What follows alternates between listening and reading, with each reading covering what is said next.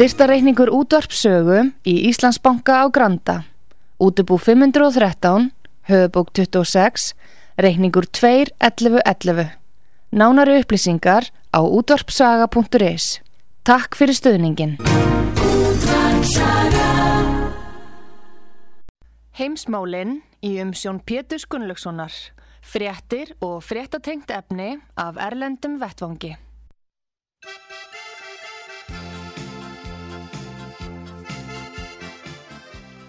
Góðir uh, hlustendur, þér að hlusta á útvart sögu, heimsmálinn. Ég heiti Pétur Gunnlaugsson og ég ætla að ræða við hann Gustaf Skúlason í Svíþjóð. Sæl Gustaf. Blessa Pétur og útvart saga. Nú við ætlum að fara til Kanada og þar búa nú margir vesturíslitingar og, og frændur okkar eru þar nú, fjölmennir. En þarna það sem er að gerast núna er merkilegt að, að fósittisráð þeirra annan eh, Trudeau, hann er í felum þegar að stærsta flutningabílalessin bara hefur þekst í já, nútíma sögu, Kemur, kom til Ottawa til að mótmæla eh, COVID-kröfu ríkistjórnarinnar um bóluskildu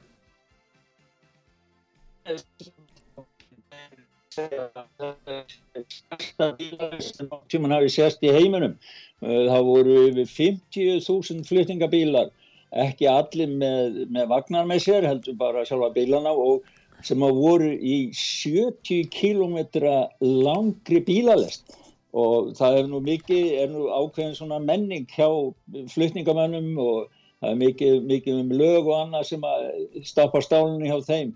En þetta hefur vakið algjörlega, þetta er bara eins og uppreist hjá kanadíska fólkinu því að fólk sapnaðist út um all land, gaf þeim mat, mætta við veginna þó að væri 25 stegar gattur, mætti við vegabrúnunar, gaf þeim mat og hjælt á skiltum þar sem að var nota nú þetta heldur niðurlægandi um fórsættisraðhöran emitt e, Trudeau og, og honum hann sagði bara að sagt að fara norður og niður og það ætti að hlýða þá e, flutningabilstjóruna En hann vildi ekki tala við þá, hann trútt og akkur þegar þið komið til Ottawa, akkur rættaningi við þessa bílstjóra? Og það er nú verið eðlert ef hann telur sig vera öflugan stjórnmólalið, hann gerir það.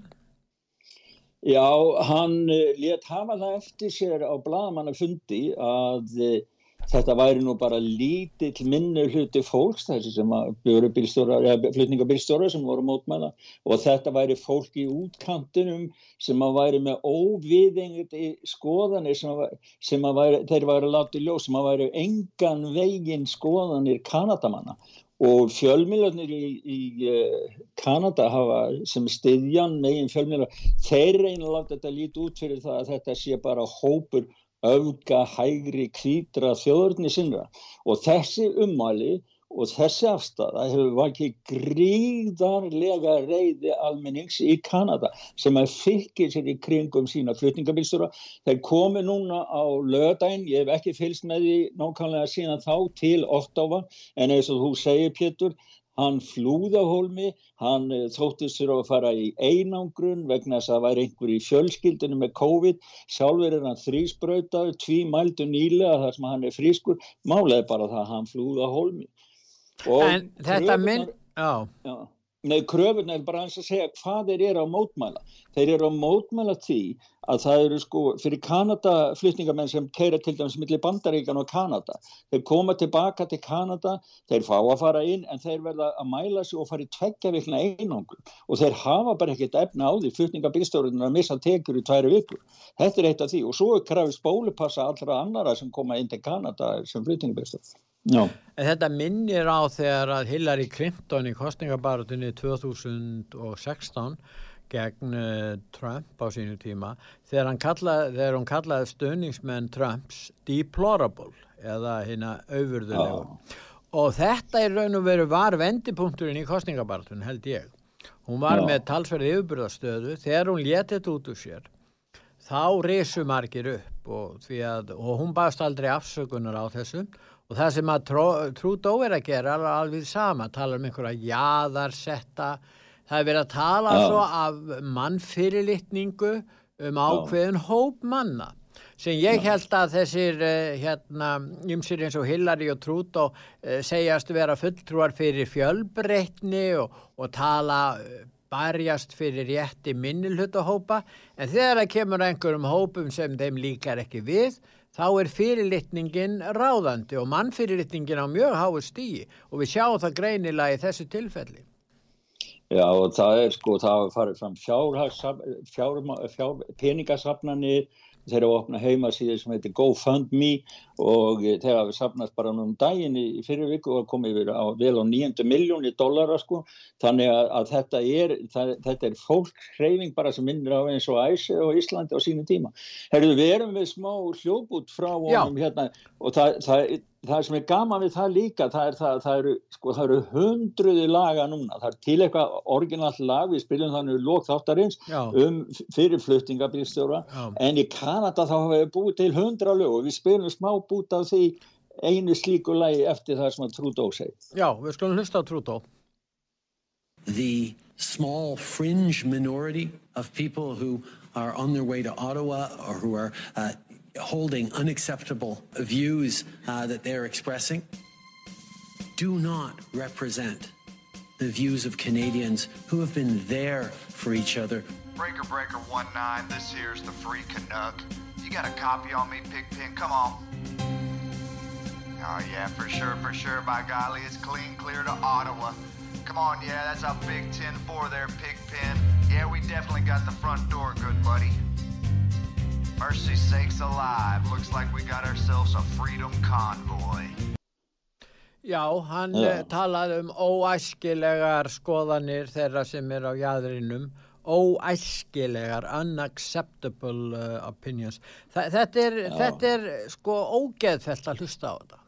Já, vægast sagt Pétur, þetta er að, að fórseti heilra þjóðar skulle geta tala svona til uh, sinna Nú- eigin landsmanna. Nú gegna er- þessir flutningabilstjórar, þetta er lífæðin í Kanada, þeir flytja vörur á milli landsvæða og, er, og hann talar svona um þessa atvinnu menni á þessu sviði og þessa þennan, þennan hóp.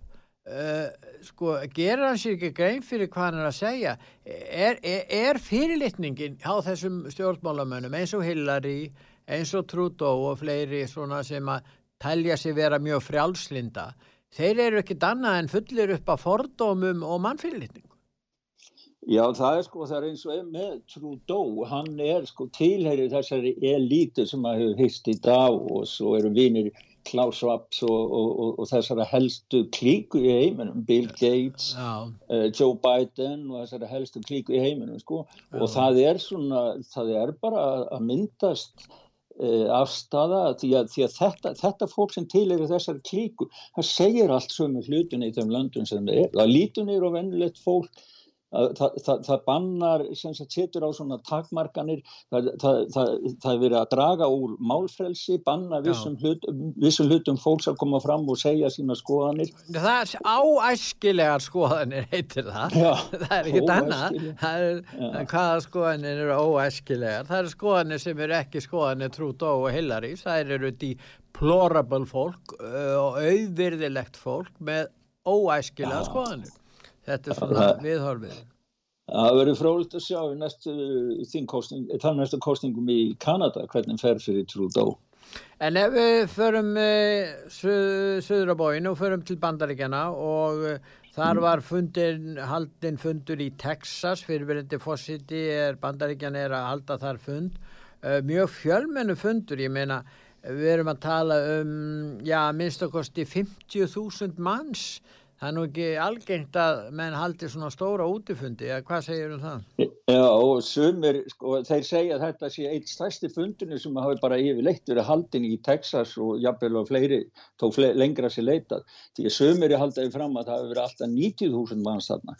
En það er, sko, það sem er einkenni á öllum þessum fundum, þar sem hann kemur og talar, það mynda svo langa bílara, bílaraðir og að lauruglan verður að skerast í leikin og skera sundu vegi og snúa fólki við því það fyllist allt svæði og nærsvæði þar sem að fundið eru haldnir af bílum og fólki. Það er greinilega gríðarlegur þorsti eftir ræðum hérna, Donald Trumps og að segja hans er úr leiknum eða eitthvað þínlust, það er bara alls ekki rétt og, og þarna talaði hann hressa vanda og, og náttúrulega gaggrindi Joe Biden bandaríkja fórsetta við erum líka með smá klippi Já, ef við hlusta á þennan hljóðbút með uh, Trump. Já We are going to start by ending Nancy Pelosi's political career once and for all. And then we're going to kick the Biden crime family out of the White House in 2024. This is the year we're going to take back the House. We're going to take back the Senate. We're going to take back America. And in 2024, we are going to take back that beautiful, beautiful house that happens to be white, that is so magnificent, and that we all love. We are going to take back the White House. Já, Gustaf, hann talar um uh, fjölskyldu fósittans, uh, Biden Crime Family eða glæpa fjölskylda Bidens, hann gengur hans í langt og, og hérna það er full harka í, í þessu. Og þá er hann að vísa til þess að Biden fjölskyldan hafi fengið fjármunni bæði frá Úkrænu og frá Kína. Er það ekki fyrst og fremst það sem hann er að fjallum og hennan Són Biden sem er nú Jú, jú, hann myndist, hann taldi upp öll þessi atrið, þessi atrið sem þú segir og hann myndist á, það var nú frækt hérna tölvan, fartalvan frá Víti sem að komst, það sem að komst upp um bætin og samskipti hans að við kynvesk fyrirtæki. Og svo kom við inn á það eins og eftir að, að það verið gefnir út bækur um hvernig elitan í bandaríkunum verður ríka á því að vinna fyrir kynverja og bætin er það náttúrulega eftir á bladi. Þannig að það er komin skoðun hjá greiðalegum mörgum og stórum hlutum bandaríkjamanna að í kvítahúsinu sé ekki maður sem að sé að vinna fyrir hagsmjöðu þjóðarinnar. Heldur sé, vin, sé þar komin til þess að græða peninga fyrir sjálfna sig og fjölskyldu sína.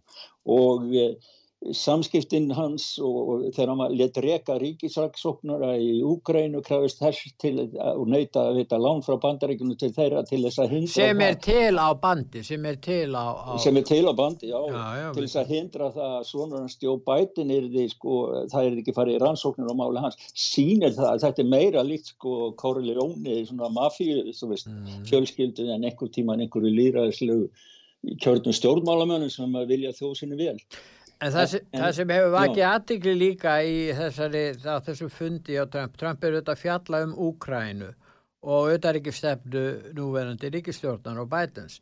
Og það er þessar yfirlýsingar hans sem að margir er kannski erfitt með átt að segja á, sérstaklega jafnvel þeir sem að stiðja mannin, að hvers vegna hann er að lýsa því yfir að nú muni rússar ráðast inn í Úkrænu núna í februar og þetta var byrt núna í, hjá okkur rúf núna á förstu daginn, þetta var held ég, hvort það var fyrsta mm. önnur frétt, það var minnst framalega uh, það var sagt að, að nú kemur yfirlega, við komum yfirlýsing frá bæten um það að uh, rússarnir ætluð að ráðast inn í uh, Úkrænu núna í februar en fórsiti Úkrænu er ekki trefin af þessum yfirlýsingum fórsitans bætens vegna þess að hann er í raun og veru að að þetta er slíkur slík hræðsla sem grýpur um sig í þessu fátakaríki Úkrænu eða fólki telur að, að það er nú vona á innrás frá Rúslandi núna bara eftir nokkra daga.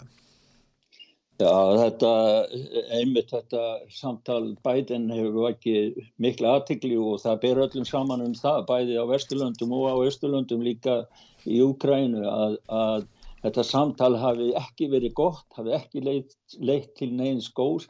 Það þýtti það að, að verbrið, það var hrun og verbriðum á fyrirtækjum í Úgrænu og eh, Volodymyr Selenski fórsetið Úgrænu og hann sagði það sérstaklega fram, tók það sérstaklega fram á blamanafundi að að hann bað vesturlenska miðla og, og, og það var bein árétting Joe Biden að vera ekki með þennan áraur því að hann sagði það, ég er fórseti í Úgrænu, ég þekki aðriðin hvernig það er í, betur í Úgrænu heldur en nokkur annar fórseti og það er óvíst hvort að rúsa muni gera árás á okkur, sagði hann. Já. en Biden hringdi í hann og sagði að þú skalt bara vera klá þeir eru bara hérna fyrir utan kænukart og ráðast bara á ykkur hvina sem er verður bara undirbúin undir skellin sagði Biden og þetta er sko, þetta er, sko Biden haga sér eins og hann sé sko það er sko miða við þessa mútustar sem og annað. Þá getur, getur maður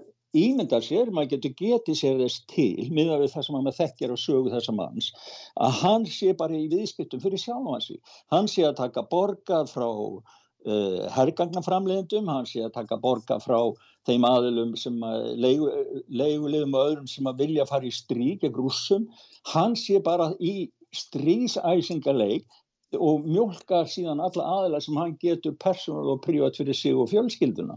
Og gefur svo alveg bara spáir ekkit í afleggingarna sem geta orðið.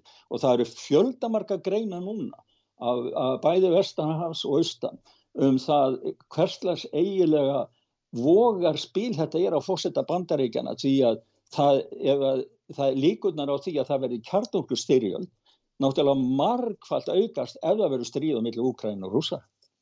Já en sko þegar það verður að kjósa, þegar margir kussu þennan mann bæten, það voru að kjósa svona fullorðin friðamann sem var friðsamur, hófsamur og þeir lítið svo á að hann væri að koma svona á eðlilegu ástandi eftir, eftir svona eftir tímabilið það segar að Trump var í raun og veru að, að, að valda miklum áskunda en uh, nú bara kemur allt annað í ljós. Ég meina það er ómöld fyrsta lagi að vita hvert hann, hvert hann vil stefna þessi fósiti á mörguleiti það er, er mikil óviss um það. En svo koma upp aðrið eins og til dæmis þegar hann var að stýra brottförinu frá Afganistan sem hann gerði mjög illa en hann var bara ánaði með það Og svo núna er hann að tala um, um þessa styrjaldar ástand og spennu í, í Úkrænu vegna þess að rússar eru með á sínu landsvæði 100.000 hermenn á sínu landsvæði, þeir eru ekki konin einstæðarinn. En uh, það er spurningin, Já. af hverju er hann að þessu? Hver er ávinningurinn af þessu? Í, við svona aðstöð það var búið að gera ákveðin friðarsáttmála í Minsk það sem að menn átt að vinna að þessu Já. mál eftir ákveðinu reglum. Það hefur ekkert verið bandaríska ríkistjórnin hefur ekkert gert þetta. Trump stjórnin gerði það, það í raun og veru. En þetta er farið að, að aukast núna. Á sínu tíma þegar Hillary var utaríkisráð þeirra og hann var að fósiti þá voru þessi læti í Úkrænu sem leiti til refsaðgerða, við þekkjum það.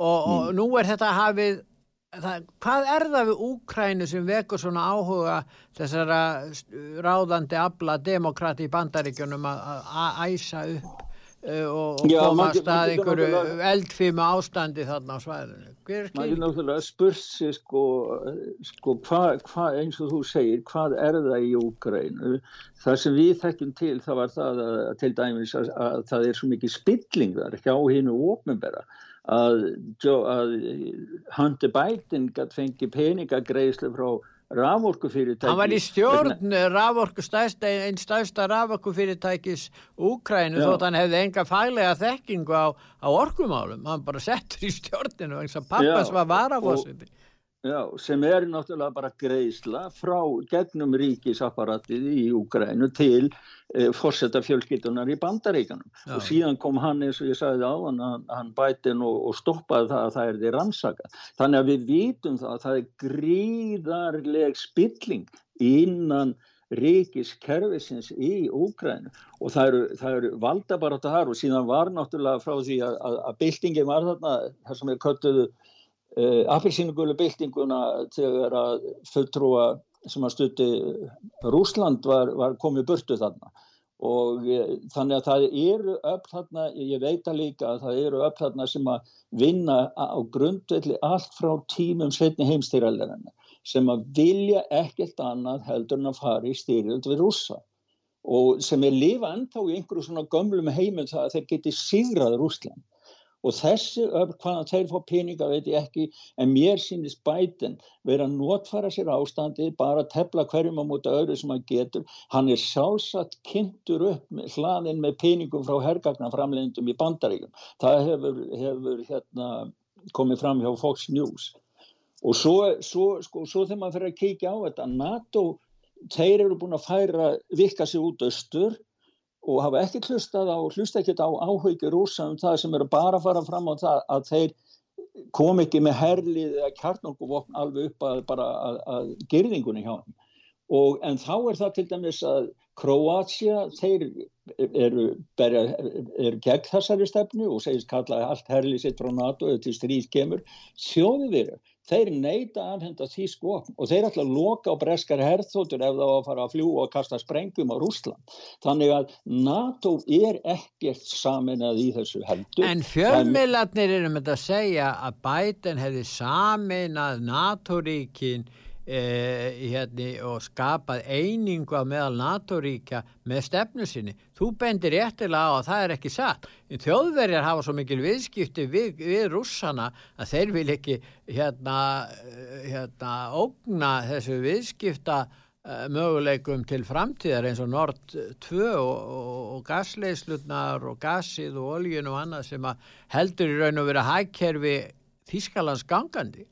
Já, já, og, og þetta kastar slettur upp á sig líka innan Európa-sambansins því að nú er Úrsula von der Leyen, hún er að spila sér stórun og alltaf ganga með í leikin og að segjast alltaf loka á, á Nord Stream 2 þannig að, að en, en þá kemur í ljós til dæmis eins og í Þískalandi sem ég veit að þið hafi sagt frá og við skrifum um það að Þískur eh, hérna, aðmirátt eða flótafóringi, hann var rekin eftir hann sæði á fundi með hugveiti í Índlandi, veist, þá sæði hann það að Vladimir, Púsi, Vladimir Putin fórsettur Úslands væri ekkit að, að hann vildi náttúrulega halda áfram að krím verði undir rúsnus stjórn já, en að rúsa myndi ekki dráðast á Úgræn og hann var bara sækjast eftir að það er því tala við hann sem einstakling eh, og hann finnir þetta virðingu sem einstakling sem hann ætti sjálfsvægt skilin fyrir þessu ummæli sem hann segir hinum einn á nettunum staðar að þá er hann rekin í Þískaland og þetta verður stór politist innanlandsmáli í Þískalandi Sjön, Sjönbakk hersauðingi í Þíska sjóhernum. Já, já, já, admiral.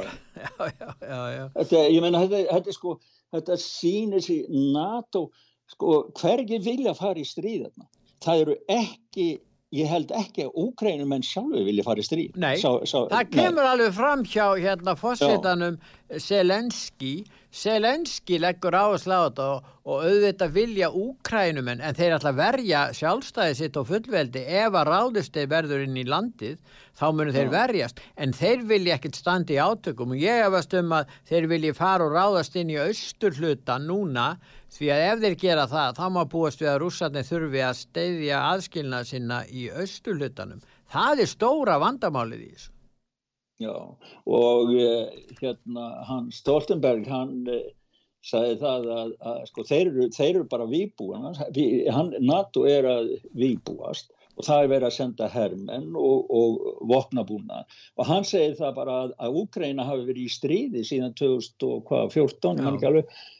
Þannig að sko, þeir, það eru öll þarna sem segja við ætlum að taka krím tilbaka Mm. En það er ekkit rætt við rússana og ég meina sænska sjónvarpi var með í gerðkvöldi þetta alveg gríðarlegan áraður um það að það væri nú alls ekkit farið illa með fólk sem tala rúsnesku í, í Úkrænu og hvað tóku þessi dæmi? Jú, úkrænska fórsetana því að þegar hann leik fórseta í myndum þá tala hann rúsnesku þar. Já, hann tala síðan úkrænsku þegar hann er fórsetið Úkrænu. Það var í skólum bannað í austurhutanum að tala rúsnesku. Það var út að kenna rúsnesku í skólum. Það var nú það sem kom þessari Já. deilu á stað meðal annars. Já, núna segja þeir ekki frá því. Núna segja, reyna þeir að láta lítið út eins og sannska sjónvarpunni gerðkvöldi. Já, þau töluðu líka af einhvern listamann. Já, það er ekkert vandamál fyrir mig að tala rúsnesku. Ég tala bæði rúsnesku og ukrainsku. Er, það er verið að reyna að breyða út að þetta, þessi staðrin sem þú segir að það verið bannar að rúsnesku og það var aldrei átt sér stað. Þá bara fela yfir þetta alls saman. Það er svoleiðis áróður, stríðsáróður hérna á Vesturlandu, Gagvart, Rúslandi, sko ég hef aldrei upplifað neitt annað eins og En aldrei þetta eru þetta stjórnvöld og fjölmiðlarnir sem eru er, hliðhóllir þessum stjórnvöldu hér. En á sama tíma þetta er að gerast, Gustaf, þá er almenningur á allt annari skoðun. Almenningur líka í bandaríkjunum. Almenningur í bandaríkjunum skilur það vel að NATO var sett á lakirnar til að, að verjast Sovjet-Rúslandi en ekki til að verjast sambandsríkinu Rúslands. Það dettur engum í huga að stafi ógna því í Vesturöðurp eða bandaríkjunum stafi ógna Rúsland í dag. Þess vegna er svo skrítið, þetta veit almenningur, þannig að almenningur Já. vill ekki standa í hernaður eða styðja hernaðar aðgerði bandaríkinu í Úkrænu þrátt fyrir allan heilaþvottin í bandarísku fjölmiðlum sem er nú að verða fyrirbær út af fyrir sig þessi bandarísku fjölmiðlar eins og CNN til dæmis það er já. hótrútt að lusta á þess að minna Já, og fake news, Tr- Trump hafi bara alveg rétt fyrir sér. En ég minna, en þetta eins og þú segir, það er búið að gera skoðanakonun eftir skoðanakonun eftir skoðanakonun í, í bandaríkjunum. Og við skrifum um á heimasíðu sögu meðal annars frá Rasmussen, uh, stofnuninni sem að rannsakaði eða spurði bandaríkjamenn og það komið ljósk og það voru bara 15% kjósandar sem að vildu að bandaríkjamenn færu virkt í stríði í, við rússa í Úkrænu en allir flesti voru á móti því Já. en hins vegar var eins og ég sagði síðast líka sko afstæðan þegar var verið til Tævan hún var alltaf öðruvísi. Þá, og menn gera sér grein fyrir því. Það í Tævan þá er það spurningum að verja landið ef að Kína myndur ráðast á það og verja sjálfstæði Tævan en það, þetta er innaríki stríð í, í Úkrænu þetta er ekki sama máli Já, þetta er það. Og hérna en síðan hefur nú uh, þessar hérna afstafa almennings hvað líðræðinu er að breytast. Það er eins og áhugi á því að treysta uh, líðræðislegum leiðum hafi minkað og tröst almennings á yfirvöldum í líðræðislíkum hefur minkað verulega fyrir þverrandi tröstið og uh, nú eru menn farin að líta til þess hvort það sé ekki hægt að, já, stiðjast við einhvers konar allræðisríki eins og í Kína hafa mikla framleiðslu og styrka hönd og einhvers konar kommunistist allræði til þess að stýra og halda niðri hérna hvers konar eh, já, mótmælum og, og, og tröflunum í, í samfélaginu. Hvað segir það? Já, og við, það, það er á heimasíðinu okkar einmitt nefnilega, það var Edmund Trust Barometer sem að það gerði rannsók tala við 35.000 manns í 28 löndum núna í lók nóvember í fyrra og það sem að þeir voru að það var nú vegna COVID sko, þeir voru aðtöga hvort að fólk hefði gefist upp á yfirvöldum vegna COVID. En þá kom í ljós að það voru sko í líðræðisríkjum þá minkaði traust almennings á stofnunum yfirvalda langsalega mest. En það jógst hins vegar í Kína Já. og sem bæ- bætti við sér 11 stigum og Já. einni í sameina arabíska fyrstadæminu Já, og í Tælandi líka. En þeir sem töpuð einna mest það voru þjóðverjar og Ástralía, Holland Su- og Suður Kóri og síðan Bandaríkin það sem að, að trausta almenning sem minka og það náttúrulega verður almenning ekki kent um heldur þeim sem að fara með völdin fyrir almenning og eiga að njóta tröst almennings ef þeir halda rétt á spöðunum sko, já, segi ég. Já, já. Nú, en þetta segir bara hvernig ástandið er. Nú eins og við tölum um áðan þá eru fréttir um það að, að eh, Biden uh, hafi fengið fjármunni frá kynverjum og eh, það verður að tala um 31 miljón dollara frá kynverskum einstaklingum sem að tengja stæðstu stjórn kynversku reynithjónustunar á meðan að var varafósiti og hérna Já, já það, það er hérna Peter Schweizer, hann hefur Já. rannsakað þessi mál. Hann hefur gefið út bók já, sem að heitir ég þýta svona staðina verki hvernig bandaríska elitan verður rík á því að hjálpa Kína að vinna. Já, How American Elites Get Rich Helping China Win. Uh, og þar sem að hann rekur þetta fyrir og hann var í viðtalum daginn á hjá einu fjölmiðlu og hann sagði það að hann sagði það að það hefði verið það undarlegasta sem þau komust að að Biden fekk 31 miljón dólara frá kýmverskum einstaklingum sem að tengjast aðstu stjórn eða eru í aðstu stjórn kýmversku leinuþjónustan. Þetta var á meðan hann var varafósti en þeir, hann segir það að greiðslutan halda áfram eftir að hann sé orðin fórseti og það, ég meina er fórseti bandaríkjana á launaskraf hjá kynversku leinaþjónustu. Ég menna að þetta, þetta, er, þetta er svo ógætfælt og svo óbandarist en hann segir það uh, sveisir að viðskipti bætum fjölskyldunar eru fordæma laus, það þekkist ekki neitt slikt þessu svona áður í sögu bandaríkjana. En nú er þetta með Mike Pompeo sem var auðaríkisráð uh, þeirra, fyrirverðandi auðaríkisráð þeirra, hann er að tala um hvernig kynverjar eru aðlast pólitísk vald og áhrif út um allan heim, en það gera þeir með aðstóð alþjóðleira fyrirtækja. Þeir eru að gera þetta og það eru bandaríska alþjóðli fyrirtæki sem eru uppröðanlega amerískmennskosti sem eru þáttekandur í þessu spili menn eh, eins og eins og fjárfestingasjóður eins og BlackRock sem hafa verið að fjárfesta oh. mjög mikið í Kína eftir að brefin, eftir að Kína var ekki eins eftirsóttur valkostur í fjárfestingum þá fór þeirra stóra auka eh, hérna, fjárfestingar í Kína og AT&T og það er fjölmark önnur stórfyrirtæki stæstu sem er að vinna með kynverjum og við þurfum ekki að líta til vúan í sambandi við þessa veiru. Það er að koma betur og betur ljósa það voru bandaríski vísindamenn sem voru að vinna þarna með kynverskum aðilum innan Wuhan en þeir voru að nýta sér þessa rannsóknastofu hvort að það hafi leitt síðan af sér þessa veiru, maður getur náttúrulega ekkert fullirt um það en það líkaði fyrir alveg að þarna runnu fjármunir frá bandaríkunum og bandarískum vísindamannum og fyrirtækjum til kynveskur rannsóknastofunar þannig að þarna erum að ræða tengsl á milli e, alþjóðleira fyrirtækja og kynveskra stjórnvald og þetta er svolítið merkilegt tengsl við höfum annars vegar kommunistaflokk Kína sem að, að og hins vegar höfum við þessa hérna öflugustu alþjóðlegu fyrirtæki og bankarnir líka sem auðvitað áttu þátt í því að reysa þetta veld í Kína án fjárfestinga frá Vesturlöndum og tæknivæðingar og sínu tíma hefði þetta aldrei átt sér stað. Aldrei geta gerð sko, þeir fengu kýmur að fengu þúsund ára tækni þróun vestur, Vesturlanda og nútíma tækni bara á nokkrum árum. Og, sem er, sem er, og peninga eins og þú segir en þeir hafa náttúrulega þetta er dögleg þjóð, kýfverska þjóðin og, og, og men, mentu og leggur á sig mikla mentun og leggur mjög mikið á sig, sparnað og annað og hefur gert það og staðið sér náttúrulega frábælega vel í því. Og þannig verður til hérna, einhvers konar kokteil sem er einstakur, þetta er einstakt kraftaverk í efnaharsögunni, uppgangur Kína og þarna koma þessi alþjóðlegu fyrirtæki sem að er í raun og veru ná hámarki í þessum, þessum að Klaus Schwab er hérna, er, er í fyrirrúmi fyrir World Economic Forum. Og þar er fyrsti ræðum aður hver?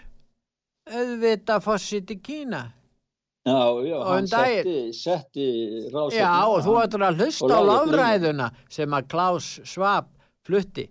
Hafa nú sannala og aðtiklisvert að sonur hérna Schwab sem heitir Oliver Schwab hann er já. giftur kýmverskri konu. Jú, allir læg með það. En þessi kýmverska kona er yfirmaður skrifstofu World Economic Forum í Peking tilviljum það? Nei, já, ég, ég menna hann er margverðlun að Klaus Schwab, hann er bara handhafi miðstjórnan kynverðska Já, já, hann er marg, margverðlunar og heiðustoktor og fengið valin og, og orður já. þarna frá þeim og við að jása Já, alveg, þeir, þeir hefja hann upp til skíin, hann er margverðlunar fyrir, fyrir sameileg, hugsaði þetta Pétur. Sameilegt margmið mann kynns sósælismann það er það sem þeir eru að vinna að. Já, já, það segja þeir sjálfur í Kína. Og, en hann er að segja frá því hann Pompeo einmitt sko, hann, hann lísti frá því í byrjun hvernig bandaríkjaman hafðu sjálfi tekið tengsli kýmverska komastaflokkin og byrja en sína, síðan eru þau reyna að draga þessu úr þessu og það er viðskiptastur í gangi en hann útskýrir það að viðskiptastur í byrjaði sko löngu fyrir Trump skilur þannig að þetta er Þetta, þeir bandaríkjaman hafa þarna skrif, tekið stór hættuleg skref sem að þeir eiga í erfileikum með að taka úr. En sósialisman á að byggja á framleyslu getu kapitalismans.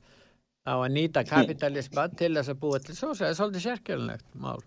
Já, á meðan, á meðan vopnin tala ekki. Við skulum muna það sem að Mao Tse-tung sagði, hann sagði valdið kemur úr bissurhlaupunum, sagði Mao Tse-tung. Og það, svo hlið á þessari velferðar þróun í Kína á eftir að koma í ljós, segi ég. Nú ef við snúum okkur til, til hérna að, að manni sem heitir Antoni Fauci, hann er nú þekktur, Antoni Fauci, hann ráðleggur núna þrjár spröytur út af COVID er, fyrir börn frá 6 mánuða aldri til fjögur ára. Ja. Á sama tíma eru svíjarnir að hætta öllum spröytum börnum undir 12 ára aldri, er það ekki rétt hjá mér? Ja, jú, jú, það kom í síðustu viku líðhelsan í Svíþjóð tilkynnti það, hún hefði tekið formlega ákvörðunum það að ráðleika ekki neina bólusetningar gegn COVID á börnum 12 ára og yngri. En það, það, er enga líkur á því að börn veikjast alvarlega á þessum aldri, ég meina það er engi dæmi um það, en akkur er það þessu? Já, þetta er, þetta er sko, það eru tilrunir í gangi núna. Það er ekki búið að samþykja þetta í bandaríkanum, heldur er Pfizer með tilrunir á þess tve, tve, í tveimur aldursópu. Og hver, hver, hver, býtu við, hver, hver eru tilrunadýrin þar?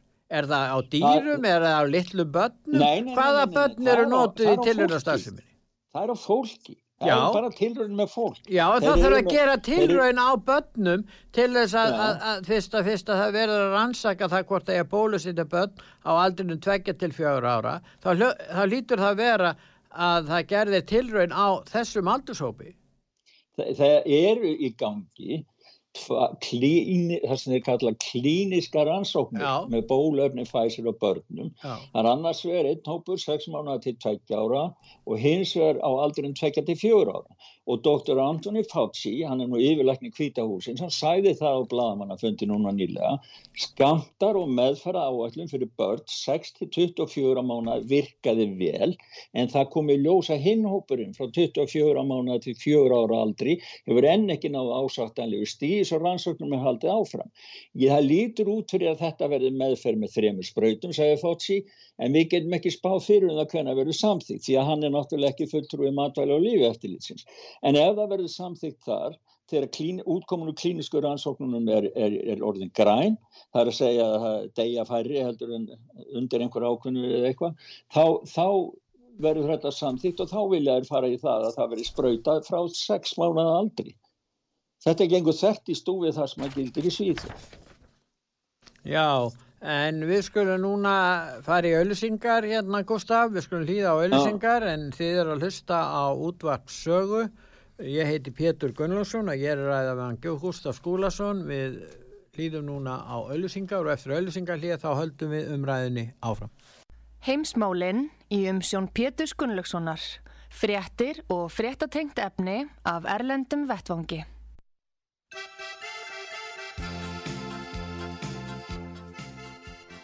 Góðir hlustendur, er að hlusta á útvarp sögu, ég heiti Pétur Gunnlásson og ég er að ræða við hann Gustaf Skúlason í Svíþjóð. Nú Gustaf, hún uh, Ursula von der Leyen, uh, fórseti uh, Frankvændarstjórnar Evrópusambansins, hún neytar að afhenda upplýsingar um samskipti sín við fórstjóra Pfizer. Já, þetta er nú mál sem að veku miklu aðtikli akkurat núna því að uh, það er til eitthvað sem heitir umbósmaður uh, Európa-sambansins, það er ennbættið þar sem að maður fyrir yfir og, og rannsaka hvernig er eh, sem sagt gegnsæið og hvernig stjórnendur Európa-sambansins eiga samskipti um og eiga fara að hafa, fara að lögum í sambandi við samskipti já, fylgja einmitt lögum um upplýsingar og annað. Já. og hún heitir eh, og Emily O'Reilly. Já. og hún hefur neist til þess að skrifa ofinberlega kröfu til, til fórsett Európsambansins til þess að leggja fram afrið af eh, textaskilabóðum úr síma hennar, persónulegum síma hennar til Albert Borla, fórstjóra Pfizer Og, en framkvæmdastjórnin er að reyna að vísa því og buga að texta skilabóð þetta sé nú bara svo ómerkileg skilabóð þetta sé reyna ekki, ekki hægt að reikna þetta sem gögn, upplýsingagögn.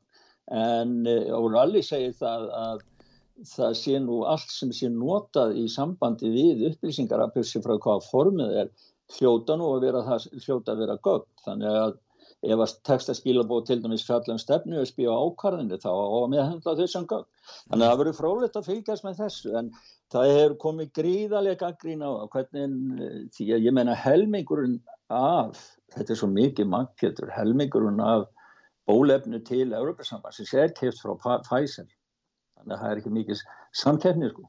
Nei, nú uh, Evrópussambandi er líka að hefta, einnig að hefta málfrelsi, tjáningafrelsi, skoðanafrelsi, til dæmis varðandi málefni innflytjanda þá vilja þeir að, að lögum hriðjuverk, eða hriðjuverkulög nái til þess að hefta málfrelsi til að þakka niður í, í gaggrínindum á, á innflytjandastefnu ríkistjórnana í Evrópu. Já, þetta er sko, þeir kalla þetta sem sagt hatt sem sagt lög gegn hatusumræðu eða, eða vilja segja það að þeir séu nú góða fólki sem er að berjast gegn hatusumræðu og rasisma mm. en uh, það eru nú margir sem ekki að grýna það að þarna sé bara verið að, að koma á bara rýtskoðun ja. alfarið sem á, á að koma á innan alls Európa sambansins þetta er komið upp hérna í Svíðsjóð því að, því að, því að hérna, sannska ríkistjórnin vil stiga þetta. Það sem er svo ógeðsfælt við þetta, það er, það, það er lög sem eru í grein 83 í Lissabonsáttmálanum gefur Európa-sambandinu möguleika á því að setja lámars reglur kakvart alvarlega gleipast þar sem og það gildir um hriðverk, mannsal kynferðislega afbrót hjá konum og börnum, eitulífa verslun, ólöglum, vopnavískjöptum, peningadættum útum og svo framvegist. Mm. Núna ætla þeir að bæta við þessu lög hatusræðu á netinu og rasisma mm. og þetta þýðir það að það verður í, í, í bóstaflega hægt að banna sem sagt flokka til dæmis eins og Svíþjóðdemokrata hérna í Svíþjóð alla þá sem að gaggrýna segjum innflýtjenda stefnu Svíja sem eru með hömluleysi innflýtjenda stefnu og láta sækja Ísis hriðverkakonu til að koma inn í sænska samfélagi og svo framvegis og svo framvegis. En, en, en, en það er alltaf að búa til kerfi þar sem hægt er að þakka niður í pólitískum anstæðingum alveg svolítið sem við tölum um Trúdó áðan eh, hann já. taðar með þessum hætti sem hann gerir um, um fluttingabílstjórana en já. er það hatur, þeir upplifa það sem hatur gagvart sér. Hann verður aldrei dreginn til ábyrðar Trúdó skiluru en hann fær að útráðs fyrir sín, sín hat, sitt hatur og eins og Hillary og aðri þetta fólk getur Eh, verið eh, talað um aðra hópa og ekki bara hópa, heldur stóra hópa í samfélaginu eins og Hillary gerði varðandi deplorables. Að stöðningsmenn uh, Trump sem að reyndar uh, vann í þessum kostingum að þeir væru svona úrþvætti og bara óþverra líður. Skilur og þe þetta er í lægi þetta er í lægi en, en ef þetta er sagt um þeirra stöðningsfólk þá er það álitið hattursklæpur og þá er það hefta tjáningafrelsi þetta er alltaf gengur ekkit upp það hljóta allir sangjandi menn að sjá að þetta er svo einhliða að þetta getur ekki staðist. Við verðum að leifa tjáningafrelsi eh, gilda fyrir alla en ekki bara fyrir einhvern fáminna einhverja fáminna elítu sem er svo freka hún er reyna að koma í veg fyrir gaggrín á sig með því að kalla það hattursáru Málfrelsi hlýtur að gilda í báðar áttir og e, þarna er skilgreining á hatri, það er bara þeir sem eru að gaggrína þá sem að fara með völdu. Er, þannig að, að, að e, sko, það, þetta, minni, þetta er bara það sem er, það er bara að endur taka sér sagan hérna áður en að nazistarnir komist til valda í Þýskalandi. Þetta er nákvæmlega svipaferli finnst mér þó ég nú, var ekki fættuð þá en. En það, en það er aðtiklisvert til dæmis núna í Danmörku þá er verið að aflétta öllum COVID-takmörkunum og sóttvarna nefnd uh, eh, smittsjúkdóma varna nefnd uh, eh, Danmörku leggur til að það eigi ekki lengur að heimfæra COVID-19 undir ah. það sem er kallað samfélagslegt uh, samfélagslegan hættulegan sjúkdóm. Þetta er ekki lengur faraldur í augum hérna Dana. Nei og það er, maður sér, sérðu hvað, við sjáum hvað hérna löndin bæði innan Evrópussambassi nú er bæði til dæmis Östuríki, Þískland og Danmörk saman. Danmörk segir þetta en í Östuríki þá eru þau með, sko, með lög þar sem er búið að gera óbólusetta ólöglega og stranga kröf en Evrópussambandi allar samt sem ári, jáfnveg þó að flest ríkir í Evrópussambassins mundur síðan fylgja þessari leið sem Danmörk fyrir, þá allar Evrópussambandi samt sem ári að halda áfram með bólupassan og hvernig- bólupass. En hvernig verður það í Östuríki ef, ef börn vilja ekki láta bólusetja sig? Þurfa þau að greiða halva miljón krónur í sekt? Fóreldra, það náttúrulega... Já, fóreldrarnir segja, jú, jú, við viljum bólusetja börnin en sakat barnasáttmála saminu þjóðana, þá er að börnina hafa, þá hafa samráði börn með að við þroska þess og aldur og við erum búin að ræða við dóttur okkar og hún vill ekki fara í bólusettingu og við virðum, virðum vilja, virða, vilja hennar, virða hann og uh, þá er hún hvað? Er hún þá sektu líka sakat þessum lögum í Östuríki? Þetta er náttúrulega sjálf sérkennlegt og galið hvernig þeir standa að þessu. Já, málið er bara að það er verið sko að búa til einhvern hóp sem má fara með virðist vera hvernig sem er. Það er komið í gang aðskilaði stefna og það er bara búin til hópur, þeir eru óbólu settur. Sko. Og þrátt fyrir það að lækna við samfélagið og vísendarsamfélagið sé mjög ósammála og það er stór hópur sem segir að það sé hægt að bæta þetta á þess að vera með spröytur. Og En Já, í tengslum við þetta sem við erum að tala núna, í Svíþjóð, þá er ekki ráðlegt að bólusetja börn undir 12 ára 12 aldri. ára. Já. Og það er deildastjóri sænsku líðhelsunar sem tilkynnti þetta á bladamannafundi í síðustu viku. Já, það var bara, það er alveg klart, klart sko hér. Og, og eh, en það er hins vegar þá er ennþá gild ennþá, ríkistjóðin hérna hefur verið gaggrind fyrir það, þeir hafa ekki sleppt öllu og það er mikil þrýstingur á ríkistjóðin hér að fara, fara dönskuleiðina og lýsa þessu og það kom alltaf meira og meira fram bæði frá sveitafélum, lénstjórnum og líka frá læknasamfélaginu og vísindarsamfélaginu meðal hans frá Karolinska að það eigi að fara dönskuleiðina hér. En samt sem að það gilda reglu núna og þeir koma tilbaka núna held ég um miðjan februar, að segja þá hvað er komið í gildi þá. En núna til dæmis er, má bara, ef það eru fleiri en 20, það eru alls konar reglur, flóknar reglur núna sem gildi í Svíþjó. Til dæmis það má ekki fara fleiri en hvað ef það eru fleiri, það, ef það fara fleiri en 20 inn á veitingarstað þá verður það skiptaði niður í áttamanna hópa og það verður að vera metur og millar alls konar svona fáránlega reglur í gangið hennar með enginn bara botna neitt í hvernig það á að útfæra sko. og fólk er orðið svo þreytt á þessu. Fólk vil bara hætti þessu.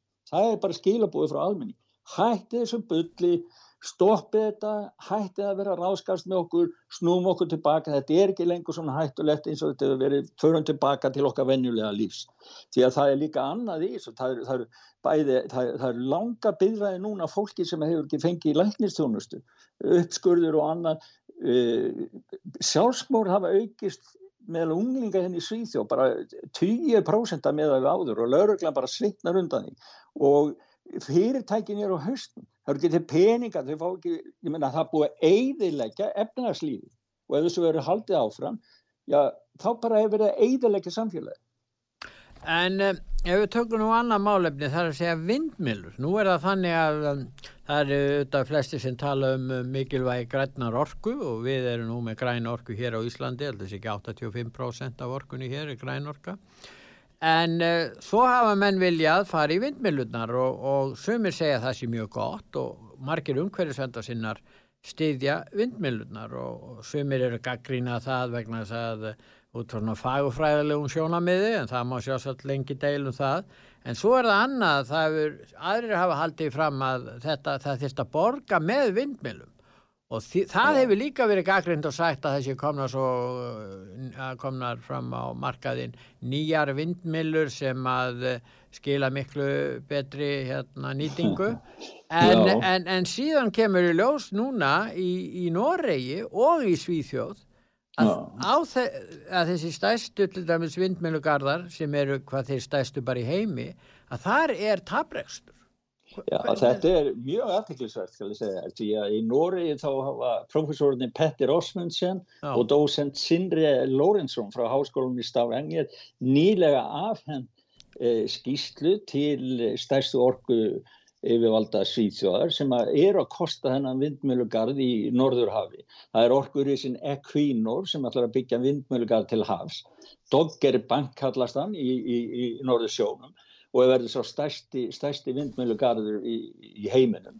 Og þarna í þessari skýslu professorsins og dósentsins þá segja þeir að þetta, er, að þetta sé óhagstætt og verðu, það verði að vera verkefni sem að eigi að vera í samkeppni við aðra valkosti orku fjárfestingu tí svo telja er upp kröfu bæði frá alþjóðlegu orkustofnuninni e, og líka frá Breitlandi um það sem er svona lágmarks í, þegar við erum að nýta orku og dokkir bankverkefni í Nóri, það næri ekki upp til neins að því. Þannig að það verður taprekstur af því. Og svo er hitt sem þú veist að segja hérna frá Svítsjótt, það er skuggalegt sko. Það er tækni, ný teknikblæði var að greina frá því að, að, sko, að það sé vandamál með vindmiðlunar. Að þegar að blæs mikið, þá snúast það mikið og framlega meira ramar. Það er allir saman um það. Já. Þegar er lóp, þá eru það skurar og ekkert ramar framleist. En núna eru, er fyrirtæki sem er með í Svítsjó, það ætlar að greiða vindmilu eigandum fyrir það að bremsa vindmiluna þegar það blæs mikið svo að það far ekki svo mikið raforka frá þeim út á neti því að það lækki ramasvæði. Já, já, já, já. Þannig að, þannig að sko, þannig að þú veist, þetta er eins og þú varst að tala um, þetta, þetta er, þetta er sko, það er skrítið að það er að slá á bremsunar til þess að ramagsverði læk ekki nýður, en hins vegar má ramagsverði hækka ef að það er skortur á ramagn. En stóru pólitísku málinn framöndan eru þetta orkumálinn? bæði hér á landa á Íslandi og ábyggla bara í flestum og í Evrópu. Ég meina við sjáum þetta sem er að gerast varðandi Nord Stream eh, í tengslum við rússana og við sjáum það allstæðar. Það er orku skortu það verið að, að loka kjartorkuverum og það vantar orku og hvað er að Evrópu búið að fá sína hvaðan kemur orkan, er að fá hana frá, frá Sáti-Arabíu eða hvað ætlaði það að gera? ætlaði að fá hana frá bandaríkjónum? Það verið að tala um það að bandaríkjuminn lofa Evrópubúum gasi á einhverjum uh, hérna, flytja gasið hvað? Á skipum til Evrópu? Já, hvað heldur það að kosti? Já, skipum. Já, hvað heldur það að kosti? Meina, þeir hafa ekkert efna á því að greiða herra verð. Nú þegar er hvað? 90, verði 90 dólar á tunnu. Ég minna menn ráða allar við það og þetta hækkar að heldur áfram að hækka þannig að, að það verður að finna leiði til þess að lækka orkuverðin en ekki hækka orkuverðin. Já og svo ver, við verðum líka sko allt þetta, þessi áraður í sambandi við grænu orkuna, það er að segja vindorku og sólarorku. Til dæmis hérna í Svíðu hafa 20, hafa sveitafjölu stoppaði 20% fyrirhugra byggingu vindorkuverða vegna þess að það var einn sem sagði það hérna Mikael Rúbin, borgarstjóri Trelleborg hérna, sagði Vitalið Sænska sjónvarpið að sveitafélagi það byrja enga ábyrð á mishæfnari orkustefni ríkistjórnarinnar. Við höfum dásanlegt útsýni 35 km langa strandu hérna í Trelleborg og hversum hefur verið að eidilegja það með vindorku við. Við eflum freka ferðamanna inn að það. Þannig að það er mikil mótstæði gegn þessu. Svo er annar lutur í þessu líka. Það er, þetta er ekkit svo umhverfisvænt eins og við erum að segja. Þeir fjela það úrgangur, það kom hjá European Environment Agency skísla í fyrra. Það sem eru að tala um hættulegan úrgang vindmila og sólaröskustöða sem er að aukast 3000% á næstu tíu árum og það eru efnið svo kadmium, arsenik, blí og pólivínflúorít og þess aftar efni sem eru stór skadali fyrir umhverfi. Þannig að menn verða nú svona aðeins að kíkja á hvað er raunverulega hafkvæm og að loka kjarnorkuverum það er það óhafkvæmasta og mesta della sem hefur verið gerð bæði Þískaland og Svíþjó Já, það eru löndið sem að leipa inn fólki á sínu tíma við að en Já. loka kjarnorkuverum á sama, sama tíma. Það er svolítið merkja Það er ótrúlegt, það er eins og þeir séu bara í því að eiðilegja eiðilegja grundvöld samfélagsins sko.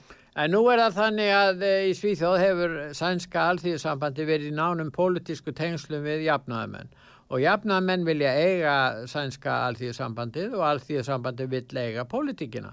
Og þess vegna leggja er til og hafa ekki bara lagt til heldur eh, hérna, hérna sé til þess að Svíþjóðademokrater sem eru með stöðningsinn frá verkafólki í stórum stíl Eh, að fá ekki að gegna áhrifastöðum í verkefliðsefnum.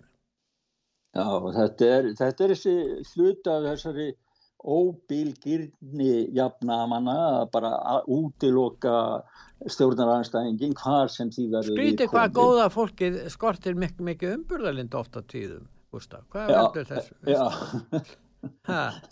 já, já Það, þetta er, það er svona öfumæla að kalla það gott fólk þegar það er svona mikið Jó, umbyrðalindi sko, skort. það, já, sko, markminn er svo falli hjá þeim að tilgangurinn helga meðali þannig að þeir geta útiloka Já. allar Nei, þetta er bara, sko, þeir, sko, þeir eru að reka burtu, sko, ef að, sko, Svíþjóðum, 30% af meðlumum alþjóðsambandsins hérna í Svíþjóð verkefælislefingar en að kjósa Svíþjóðdemokrat.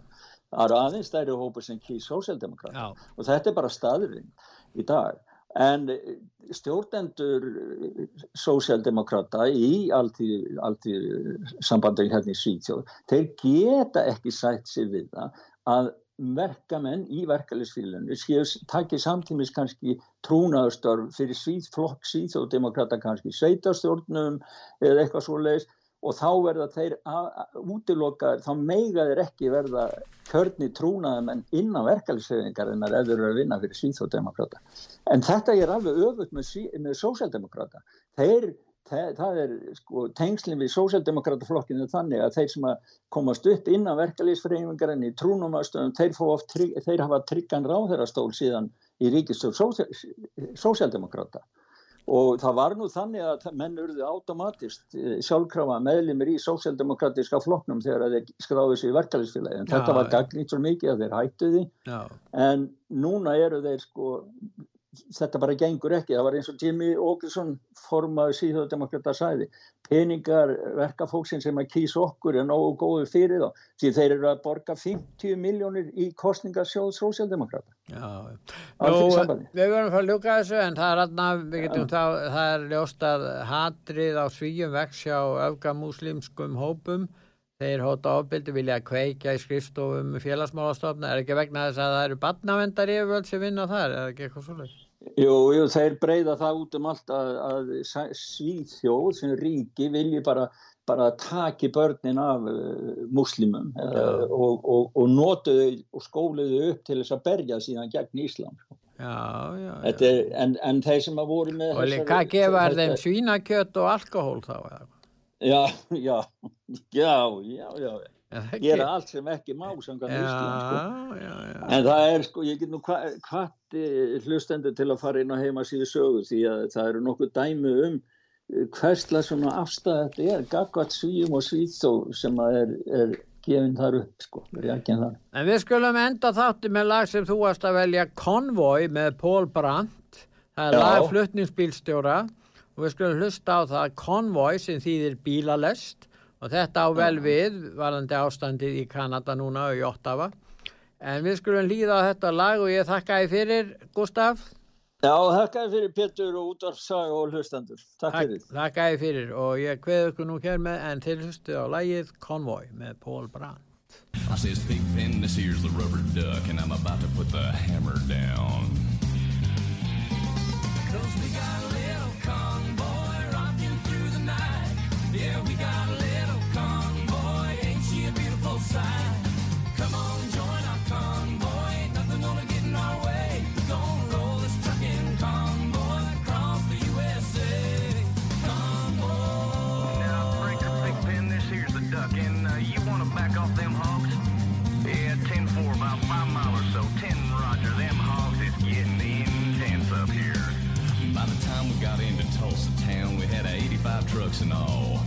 But there's a roadblock up on the clover leaf, and them bears was wall to wall. And them smokies as thick as bugs on a bumper. They even had a bear in the air. I says, calling all trucks, this here's the duck. We about to go a hunting there. Cause we got a great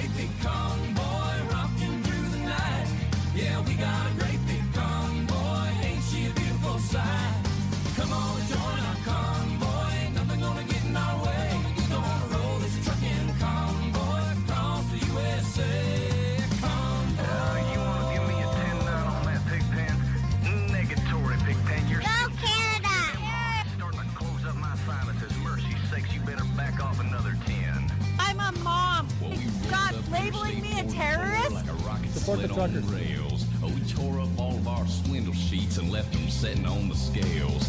By the time we hit that shy town, and Bears was getting smart, he brought up some reinforcements from the Illinois National Guard.